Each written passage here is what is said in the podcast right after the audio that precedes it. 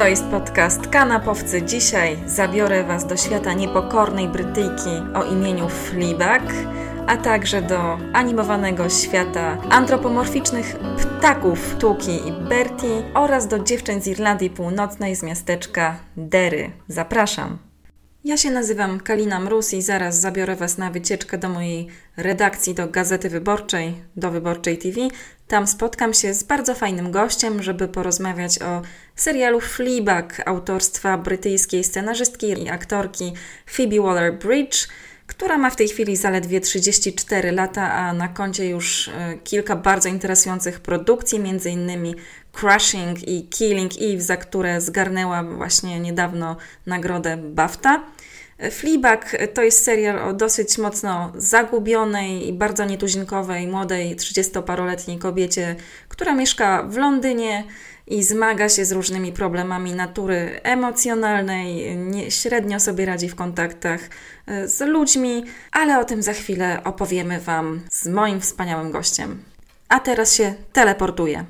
Znowu jesteśmy w Gazecie Wyborczej. Jest ze mną fantastyczna Małgorzata Steciak, e, freelancerka, dziennikarka filmowo serialowa, kulturalna, której teksty możecie czytać między innymi w Onecie, ale też u nas w Gazecie Wyborczej, w Wyborczej TV, w weekendowej gazecie na gazecie.pl. E, także cieszę się, że jesteś ze mną. Ja też się cieszę, dzięki za zaproszenie. No i zaczniemy od Fleabag, którą, który jest absolutnie zachwycającym e, serialem. Właśnie druga seria jest na Amazon Prime e, Video. No, gdzieś przeczytałam, że podobała Ci się nawet troszkę bardziej chyba niż pierwsza. Czy podtrzymujesz e, tę opinię? Myślę, że tak, o ile w ogóle to jest możliwe, bo po pierwszym sezonie miałam wrażenie, że to jest jedna z najświeższych rzeczy, jakie można obejrzeć w telewizji obecnie. I się zastanawiałam, co można dalej zrobić z tą historią. Kiedy opuszczaliśmy Fleabag w pierwszym sezonie, to ona no, była w dość takim złym miejscu, ale jednak było tam jakieś okienko na nadzieję. I zastanawiałam się, czy w drugim sezonie znowu będziemy ją tak dręczyć i znowu będą się złe rzeczy działy, czy, czy faktycznie faktycznie jakby, jeżeli będzie bardziej pozytywnie w jej życiu, to czy serial zachowa tę samą energię, tę samą świeżość. I oczywiście okazało się, że Phoebe Waller-Bridge nie zawiodła, bo e, i ten świat został rozszerzony, mamy poszerzone wątki bohaterów, przede wszystkim siostra, która tutaj zyskuje no, dużo, dużo więcej czasu antenowego. Nawet matka chrzestna, której chyba wszyscy nienawidzą, którą gra wspaniała Olivia Colman. E, no i sama Fleabag, która tutaj ucieka się w stronę wiary, ale tutaj nic nie jest oczywiste, nie dochodzi do żadnego nawrócenia. Mamy za to bardzo dziwną, skomplikowaną relację z księdzem i to jest chyba najważniejszy punkt zapalny tego sezonu i coś, co coś, co mi zabiło ćwieka, jeżeli mam być szczera, bo właśnie mamy tutaj tak zwanego e, atrakcyjnego księdza, którego gra Andrew Scott. To jest w ogóle bardzo fajnie, bardzo fajnie obsadzona rola. E, I jego relacja z Fleabag na początku wydaje się być przyjaźnią, ale tutaj później się robi jakiś wątek romansowy.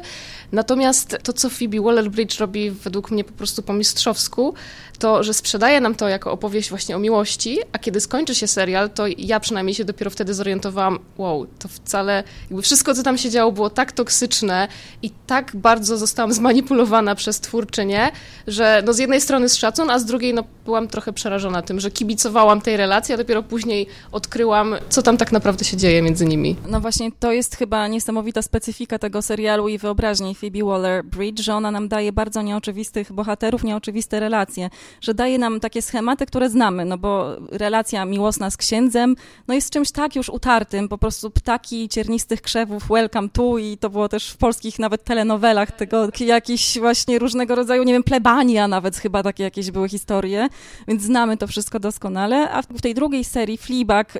W ogóle ona, zaznaczmy, że ta bohaterka nie ma imienia właśnie, ona się przezywa Fleabag, co znaczy coś okropnego, coś w stylu wszasz, obraża niemalże swoją bohaterkę Phoebe Waller-Bridge, tak naprawdę, nie dając jej tego imienia i jakoś tak ją trochę deprecjonując od samego początku tym dziwnym przezwiskiem, ale jak się z czasem oka okazuje, zaczynamy rozumieć, z czego to przezwisko wynika. Ale wracając właśnie do tego księdza, to też miałam takie poczucie na początku, że hmm, taka romantyczna, fajna historia, oni są dla siebie w sumie stworzeni, wiemy pewnie jak to się skończy i dopiero potem z czasem zaczynamy rozumieć, że jej przemiana, którą ona przeszła teoretycznie y, po pierwszej serii, czyli z takiej dziewczyny połamanej, zmieniła się w kogoś teoretycznie, kto siebie pozwala kochać y, i tak jakoś siebie szanuje dużo bardziej, to jest bardzo, bardzo przewrotna, przewrotna rzecz. Tak, no i właśnie poszczególne sceny nawet słynna scena w konfesjonale, kiedy, kiedy ona do niego przychodzi jako, jako, można powiedzieć, wierna. Ona chce mu się zwierzyć, a on ją wykorzystuje w tym konfesjonale. I to jest tak narracyjnie, strukturalnie opowiedziane jako scena romantyczna, kiedy się właśnie zastanowimy na chwilę. To jest absolutnie przerażające. I też Mam taką ciekawą obserwację, że ta postać księdza jest trochę męską wersją Manic Pixie Dream Girl. E, że, on jakby istnieje tylko po to, żeby popychać jej akcję do przodu, że on, on jest tylko po to, żeby ona się zmieniła, a jakby nie za dużo, nie ma za bardzo osobnego wątku poświęconego jemu, że on funkcjonuje tylko jako wypełnienie jej. I to jest, to jest w sumie ciekawe. Mm, tak, to prawda, też miałam takie wrażenie, że z jednej strony to jest jakoś tam interesująca postać, ale z drugiej strony też taka stereotypowa na swój sposób, no bo cool ksiądz, fajny ksiądz, wyluzowany, też jest czymś, co już widzieliśmy wielokrotnie i rzeczywiście on też nie ma siły jakiejś sprawczej. On w ogóle nie robi nic do końca, żeby się do niej zbliżyć. Chyba jedna tylko taka scena tam następuje, taka, że on rzeczywiście jakby rusza machinę, żeby tak naprawdę do niej dotrzeć w jakiś sposób, ale tak naprawdę on ją wabi po prostu, może dając jej tą Biblię chociażby i zapraszając do siebie, no to tutaj się zaczyna ta cała gra. Ale jeżeli chodzi o Fleabag, e, no to pierwsza seria, ja ją wspominam jako taką historię miłosną, ale historię miłosną do siostry i do przyjaciółki między kobietami. To jest uczucie takiego, to jest e, niesamowita zupełnie opowieść o poczuciu winy i właśnie o tych relacjach między, między kobietami. A ta druga seria dla mnie jest czymś, co podkręca poprzednie wątki i nawet nie ten wątek miłości księdza jest dla mnie najciekawszy, tylko to zabrzmi okropnie pretensjonalnie teraz, co powiem, ale tej gomprowiczowskiej gęby, bo dla mnie to jest coś, co po prostu Phoebe Waller-Bridge robi w sposób nieprawdopodobny, czyli pokazuje relacje społeczne różnego rodzaju i pokazuje, jak my, niektórzy ludzie przynajmniej się w tych relacjach potwornie męczą. Zakładają różne maski gęby, wchodzą w różne pozy, w różne zachowania, mówią to, czego nie myślą i to na przykład strasznie widać w pierwszym odcinku, który się cały dzieje w restauracji i każdy mówi coś zupełnie innego niż myśli i wiadomo, co się dzieje dalej. Tak, to jest w ogóle chyba jeden z najlepszych, no jest, to jest chyba najlepszy odcinek całego serialu, tak mi się wydaje, bo jeden z moich ulubionych i, i jedna z najlepiej napisanych scen na pewno w ostatnich latach, jeżeli chodzi o spotkanie przy stole, czy po prostu rozmowę, bo faktycznie jest tutaj taka jakaś gra, nikt nie mówi, każdy, wiemy dokładnie, co się wydarzy, a tak naprawdę jest bardzo dużo niespodzianek. No chyba pierwszą niespodzianką jest to, że właśnie ksiądz zauważa Fleabag, bo kiedy ona mówi, nikt nie zadał mi żadnego pytania od 45 minut, wtedy nagle bum, pojawia się ksiądz i akcja jakoś idzie do przodu, ale faktycznie ciekawe jest to, jak, jak w ogóle właśnie ta bohaterka nawet jest skonstruowana, że ja miałam bardzo dużo rozmów e, z moją przyjaciółką Julią Taczanowską, którą serdecznie pozdrawiam, e, która właśnie o tej bohaterce, ja byłam bardzo na początku negatywnie do niej nastawiona. W sensie ja w pierwszym sezonie widziałam ją głównie jako czarny charakter i mieliśmy mnóstwo rozmów typu zobacz jak ona się zachowuje w stosunku do ludzi, a tutaj była odbita piłeczka, ale zobacz jak ona została skrzywdzona. I faktycznie to jest e, no to jest chyba najciekawiej napisana taka antybohaterka we współczesnym serialu, bo bardzo dużo się mówiło na przykład o bohaterce e, Ostrych Przedmiotów, że to jest pierwsza tak skomplikowana postać, która jest trochę dobra, trochę złamana, właśnie, która sobie robi krzywdę, która wchodzi w jakieś toksyczne relacje, a dla mnie Fleabag, która powstała no już ile, prawie trzy lata temu, to jest, to jest ta postać, która właśnie niby wszystko przykrywa humorem, bo cały czas jest ironiczna, komentuje to, co jej się przytrafia, niby tak naprawdę na niczym jej nie zależy, ale kiedy przyjrzymy się trochę głębiej, to widzimy, że to jest właśnie bardzo wrażliwa, zraniona osoba, która, która właśnie wpada w jakieś uzależnienie i próbuje z tego uzależnienia wyjść. Czasami jej to wychodzi lepiej, czasami gorzej i to jest chyba w tym serialu najbardziej poruszające. Pamiętasz scenę z pierwszego sezonu, kiedy ona spotyka się na tych warsztatach e, z, z, z facetem z banku, który odmówił kredytu i oni mają taką scenę rozmowy, kiedy on opowiada, że tak naprawdę marzy tylko o tym, żeby wrócić do domu, nie przytulić swoją żonę, załadować naczynia do zmywarki. I to, to, jest, to brzmi jak taki banał, ale po prostu to jest tak opowiedziane, że ja się autentycznie rozpłakałam, kiedy oglądałam tę scenę. Tak, to prawda też, y, to jej uzależnienie jest bardzo ciekawe moim zdaniem. Jest to uzależnienie od seksu. To jest coś, co znamy głównie z męskiego punktu widzenia, na przykład we Wstydzie z Fassbenderem, prawda, to było mniej więcej pokazane. A tutaj fajne jest to, że w pierwszej serii y, no, przedstawiła to w taki sposób lekki na samym początku, że wydawało się, że to jest jakiś wręcz komediowy problem jakiegoś rodzaju, że ona ten seks trochę przedstawia jak Lina Dunham w dziewczynach, prawda, że to mogło rodzić takie skojarzenia. Natomiast z czasem, z odcinka na odcinek coraz bardziej widzieliśmy, że ona, ona się w tym pogrąża, że to nie jest w ogóle śmieszne, to jest absolutnie potworne i tak naprawdę ona chyba nie do końca nam wyjaśniła, wyjaśnia z czego, z czego to uzależnienie wynika. Jakby chyba po prostu tak jak alkoholicy, narkomani wpada w coś takiego, próbuje zapełnić jakąś wewnętrzną pustkę które nie do końca wiemy z czego wynika. Zmarła jej matka na przykład. Relacja z macochą, która, no, która jest też dość toksyczna, ale też jak się na tym zastanowić, to te dwie bohaterki mają całkiem sporo wspólnego ze sobą. I, i myślę, że, myślę, że tak, no i no, relacja z ojcem jest autentycznie przejmująca, bo niby się opiera na jakimś takim no nie wiem, szacunku, ten ojciec próbuje, niby wręcza tym córkom ciągle vouchery na jakieś warsztaty feministyczne. Zresztą tam jest fenomenalna scena w pierwszym sezonie, kiedy na całej sali, na wykładzie e, prowadząca prosi, żeby się zgłosiły osoby, które chyba wolałyby oddać pięć lat życia za idealną sylwetkę i zgłasza się tylko Fleabag i jej siostra. Czy jesteśmy złymi feministkami? Ale, ale tak, no i jakby też dopiero później odkrywamy, jak bardzo ona jest złamana przez tą relację z przyjaciółką, która zmarła poniekąd przez nią i o, o, relacji z matką, o której też niewiele się dowiadujemy, może trochę więcej w drugim sezonie i, i myślę, że to wystarczy tak naprawdę, żeby, żeby wywołać jakiś taki, żeby wpaść w taką spiralę, jakąś depresję czy uzależnienie. No tak, natomiast też to nie jest tam tak podane, że to jest a, a na pewno przyczyna. Czy te relacje rodzinne takie dziwne są przyczyną y, jej stanu depresyjnego, jej tej pustki wewnętrznej, czy też odwrotnie, prawda? Czy też jej po prostu jakby uzależnienie, jej jakieś problemy ze sobą są przyczyną jej relacji z rodziną, bo to też nie jest do końca powiedziane.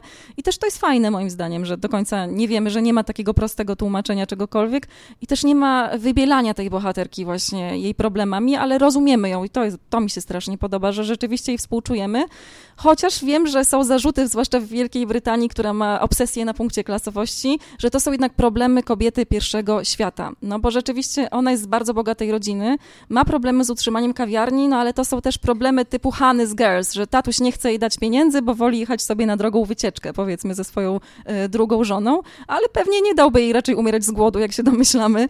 No i generalnie, no tak, tak też rzeczywiście jest coś w tym, że ona siedzi w bardzo takim posz, tak zwanym środowisku, no ale ja akurat nie mam z tym problemu, no bo to jest taka uniwersalna, bardzo ludzka opowieść. Tak, ona, ona faktycznie, nawet się nad tym nie zastanawiałam, że jej siostra i ojciec, macocha, wszyscy mają mnóstwo pieniędzy i właśnie problemy typu jaką rzeźbę wyrzeźbić dzisiaj, albo pracują w jakiejś super korporacji, a Fleabag może właśnie przez to, że ona ma te kawiarnie i też zachowuje się jakby kompletnie była z innej rodziny i z innego środowiska, że łatwiej się nam z nią utożsamić. Też bardzo mi się podoba podejście do ciała i w ogóle do, do seksu w tym, w tym serialu, jakby sposób, w jaki ona właśnie mówi o swoim ciele, że mamy tutaj 100% kobiecej perspektywy. I niby widzimy te same sytuacje, co zawsze w serialach, że właśnie, nie wiem, randkowanie, które się okazuje później jakimś no, uzależnieniem, ale, ale to jakby jest sprzedane nam trochę inaczej, że jakby widzimy to z jej perspektywy, ona dostrzega takie rzeczy, których normalnie, normalnie w serialach nie ma, jakby, więc mamy takie stereotypy, ale ona to wywraca na nicę i pokazuje coś super autentycznego, właśnie, nie wiem, żartując z feminizmu, z menstruacji, z tego, jak wygląda ciało. I, i to jest autentycznie super. Ja się cieszę, że ktoś wreszcie, dlaczego dopiero teraz taki serial powstał i tego typu rzeczy można opowiadać. No właśnie, bo Phoebe Waller-Bridge jest, mi się ona kojarzy generalnie z jakimś takim, z jakąś syntezą trochę Grety Gerwig właśnie z Liną Danam, ale fajniejszą jeszcze niż one obie razem wzięte, szczerze mówiąc. Też ta kwestia feminizmu jest bardzo ciekawa, no bo ona rzeczywiście wywraca te genderowe stereotypy do góry nogami. Ta jej bohaterka nie ma żadnego problemu, żeby przejmować inicjatywę, jeżeli chodzi o mężczyzn. Nie ma problemu, żeby opowiadać o swoim ciele e, w taki sposób, w jaki właśnie opowiada.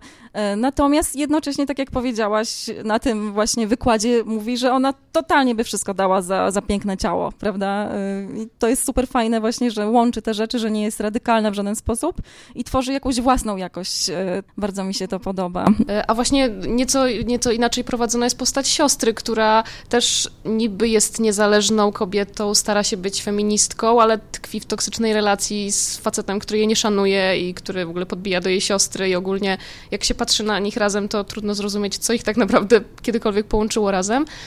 I ona, jakby jej relacja z własnym ciałem, no, no ewidentnie jest tutaj nie wiem, jakieś zaczątki bulimii, anoreksji, no jest to ewidentnie zaburzenia odżywiania e, i, i, też sposób, w jaki ona, no właśnie nawet w tej scenie kolacji w pierwszym odcinku, kiedy zaczyna po prostu tracić ciążę, zaczyna się poronienie, ale ona nie chce po prostu nic nikomu powiedzieć, bo, bo w sumie nie wiadomo dlaczego, bo nie chce zwracać na siebie uwagi, bo i to, jest, I to też jest bardzo ciekawe, jak właśnie Phoebe Waller-Bridge wygrywa te, dwie postaci, które są bardzo podobne pod wieloma względami, ale jednak ich wybory życiowe idą w zupełnie jakby inną stronę.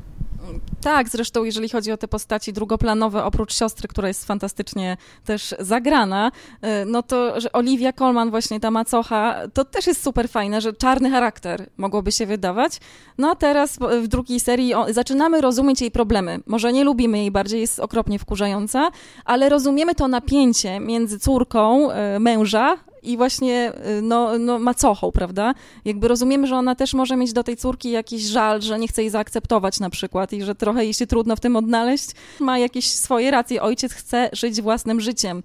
To też jest tam powiedziane mimo wszystko, że jakkolwiek okropna jest ta jego druga żona, tak on jednak sam podjął taką decyzję. No chciał tego. To jest też coś, czego on chce, ale musiał się dotrzeć z córkami, żeby jakoś pogodzić te, te, te relacje, bo jest okropnym pantoflarzem. Ale też co mi się strasznie podobało, tam zostało złamane złamane, mm, złamany taki schemat wykorzystywany w House of Cards i w wielu innych miejscach, czyli kiedy bohater zwraca się do widzów i właśnie odkrywa swoją twarz i swoje prawdziwe myśli, prawda? My jesteśmy tym jego, słuchaczem jego głosu wewnętrznego tak naprawdę i tutaj zostało to przełamane tym momentem, w którym ksiądz słyszy ten jej głos i w sumie czegoś takiego, szczerze mówiąc, jeszcze nie bardzo, nie, nie widziałam czegoś takiego w telewizji, chyba nigdy. No tak, w ogóle ta czwarta ściana jest tutaj wprowadzona w tak ciekawy sposób, że kiedy później zaczęłam oglądać na przykład taki serial jak Gentleman Jack, w którym również bohaterka zwraca się do kamery, ale robi to tylko czasami i nie, tak wyrazi- nie w tak wyrazisty sposób jak Fleabag, to miałam wrażenie, że już teraz już nikt nie może tego używać w taki sposób, że Fleabag tutaj wyznaczyło jakiś nowy kierunek, e, pokazało coś super oryginalnego.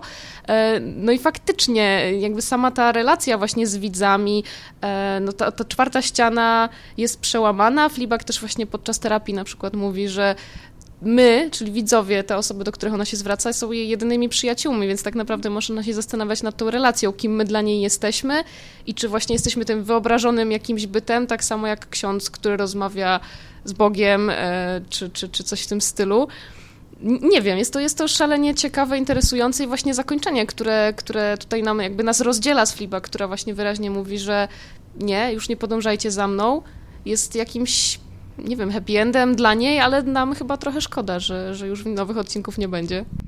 Trochę szkoda, bo ja mam wrażenie, że tak ciekawa jest ta bohaterka, że akurat o dziwo chciałabym nawet kolejnej serii, mimo że zwykle nie lubię takich przeciągniętych seriali na, na kolejne serie w nieskończoność, ale akurat w przypadku tej produkcji, która jest tylko sześciodcinkowa na serię jest tak bardzo syntetyczna, ona upycha tam tyle różnych rzeczy po prostu w, w tych krótkich tak naprawdę odcinkach, że to jest aż niesłychane. Ja byłam zdumiona, jak ona na poziomie inscenizacyjnym, dialogowym uchwytuje tak wiele społecznych też problemów. Całe jej otoczenie tak naprawdę jest jakieś i wszystko, w sposób, w jaki ona kręci, przełamuje te schematy narracyjno-fabularne, jest tak zaskakujący, że chce się to dalej chłonąć.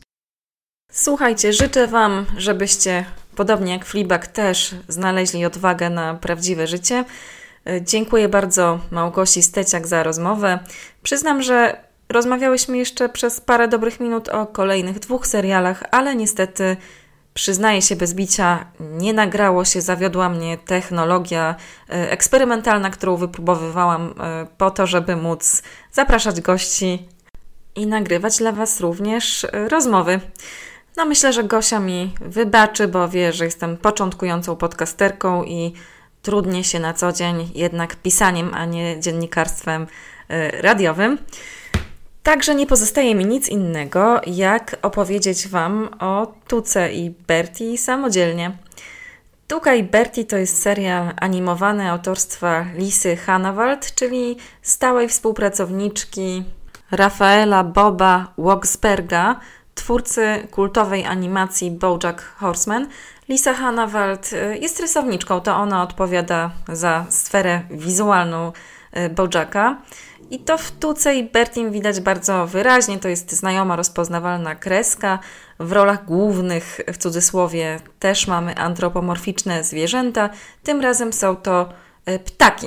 Para ptaków płci żeńskiej, czyli tukanka tuka i y, Bertie, która chyba jest gołąbkiem albo, pte, albo wróbelkiem. Y, szczerze mówiąc, nie jestem mocna z ornitologii i jakoś nie potrafię rozpoznać y, rodzaju tego ptaszka, ale jest to jakaś ptaszyna z rodzaju przeciętnych na pierwszy rzut oka. No, podobnie jak w jakichś bajkach La Fontena, w Tuce i Bertie mamy do czynienia e, z ludźmi w pewnego rodzaju maskach zwierzęcych i te maski symbolizują ich osobowości. E, tukan to jest tak, rajski, piękny, nietuzinkowy. No i bohaterka Tuka również ma, wydaje się mieć bardzo silny e, charakter i barwną osobowość, a Bertie, ta właśnie skromnie upierzona ptaszynka, się wydaje niepozorną, e, nieśmiałą e, dziewczyną. Co się okazuje z czasem jest inaczej, jest odwrotnie wręcz. To Tuka okazuje się być bardzo zagubioną osobą, która potrzebuje pomocy a Bertie y, odkrywa w sobie pokłady wielkiej twórczej energii, talentu, charakteru i się okazuje bardzo nietuzinkową y, osobowością. Po prostu na początku nie wierzy w siebie. Serial Lisy Hannawald na początku wydał mi się troszkę męczący, ponieważ jest dużo bogatszy, bardziej przeładowany, y, bardziej kolorowy, bardziej dynamiczny niż y, dość minimalistyczny w porównaniu z Tuką i Bertie y, Bojackiem Horsemanem. Natomiast później przekonałam się, że to jest coś znacznie więcej niż tylko sympatyczna animacja o damskiej przyjaźni. Lisa Hannawald porusza naprawdę ważne i prawdziwe kobiece problemy, takie jak molestowanie w pracy, choroby kobiece różnego rodzaju niezbyt przyjemne, relacje z mężczyznami, często podszyte seksizmem.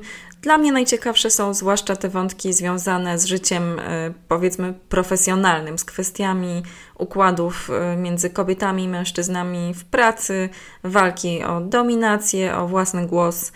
Naprawdę bardzo ciekawie, fajnie i zabawnie Lisa Hannawald o tym opowiada. Jest tam absolutnie fenomenalna scena, na przykład, y, w której kolega Bertie z pracy, oczywiście kogut, w przerwie komentuje jej biust.